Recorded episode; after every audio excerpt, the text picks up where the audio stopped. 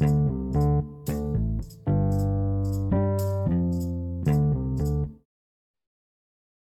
teman-teman Kema, kembali lagi nih di podcast Dan Stories bersama aku Azin dan pastinya nggak sendiri nih, melainkan bareng teman-teman dari Departemen Castro. Ada Lutfi, boleh say hi? Halo Kema semua. Ada Dina, boleh say hi? Halo semuanya. Ada Kanza, Halo Kema. ada Icut, Hai Kema. dan yang terakhir ada Nanda. Halo semuanya. Nah, kita nih di sini bakal ngomongin yang sesuatu yang seru-seru banget nih pastinya. Dan emang sih rada kedengarannya sedikit serius. Tetapi aslinya tuh enggak loh Kema. Dan pastinya nih teman-teman, pernah nggak sih kalian dengar tanggal 31 Mei itu ada hari peringatan? Kira-kira hari peringatan apa sih? Oh iya, kalau nggak salah tanggal 31 Mei itu bakal ada hari peringatan tanpa sembakau sedunia. Wah, ada hari tanpa tembakau ya? Sebenarnya hari tanpa tembakau tuh tujuannya kenapa sih? Tujuannya ada hari tanpa tembakau tuh sebenarnya untuk narik perhatian global gitu loh pas ada epidemi tembakau.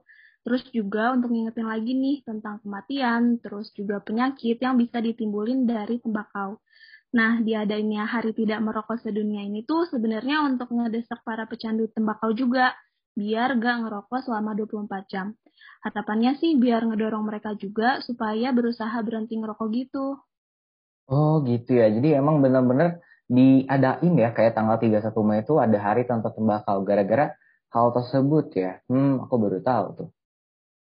Hmm, aku juga jadi penasaran sih. Sebenarnya kandungan rokok, rokok tuh apa aja sih? Kalau nggak salah, kandungan eh, di rokok itu ada banyak. Di antaranya itu ada karbon monoksida, nikotin, dan arsenik. Wah, gitu ya. Nah, kedengarannya sih kayak bahannya tuh ini nggak sih kayak kimia banget ya. Jadi orang-orang kecanduan rokok tuh gara-gara apa? Untuk orang yang kecanduan rokok tuh gara-gara zat nikotinnya. Jadi zat nikotin eh, yang ada di dalam, di dalam rokok ini tuh eh, bisa bikin kecanduan dan berfungsi sebagai perantara dalam sistem saraf otak yang menyebabkan berbagai reaksi. Nah, termaksud efek menyenangkan dan menenangkan.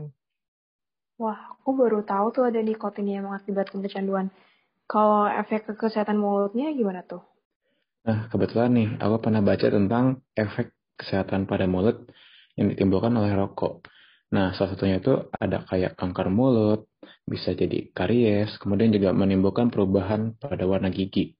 Kemudian juga ada bau mulut, dan kemudian ada indera pengecap kita yang makin mengganggu dan berubah karena zat-zat kimia tadi yang terkandung pada rokok itu.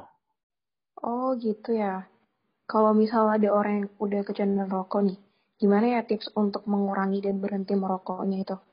Nah, jadi eh, tips untuk mengurangi dan berhenti merokok itu aku eh, pernah riset-riset gitu sih. Jadi eh, yang pertama itu kita tuh harus punya motivasi. Nah, jadi kita tuh harus menguatkan tekad untuk berhenti merokok. Yang kedua juga kita bisa berhenti merokok seketika ataupun secara total. Tapi selain itu juga bisa dilakukan pengurangan jumlah rokok yang dihisap secara bertahap.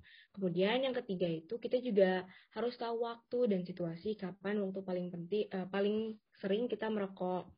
Yang keempat ini uh, sebenarnya dari diri kita sendiri sih. Jadi kita uh, harus menahan keinginan untuk merokok gitu. Nah, selain itu juga kita bisa melakukan olahraga secara teratur, minta dukungan dari keluarga dan sahabat, dan juga kita mengonsultasikan dengan dokter ataupun tenaga kesehatan. Wah, jadi kayak gitu ya ternyata.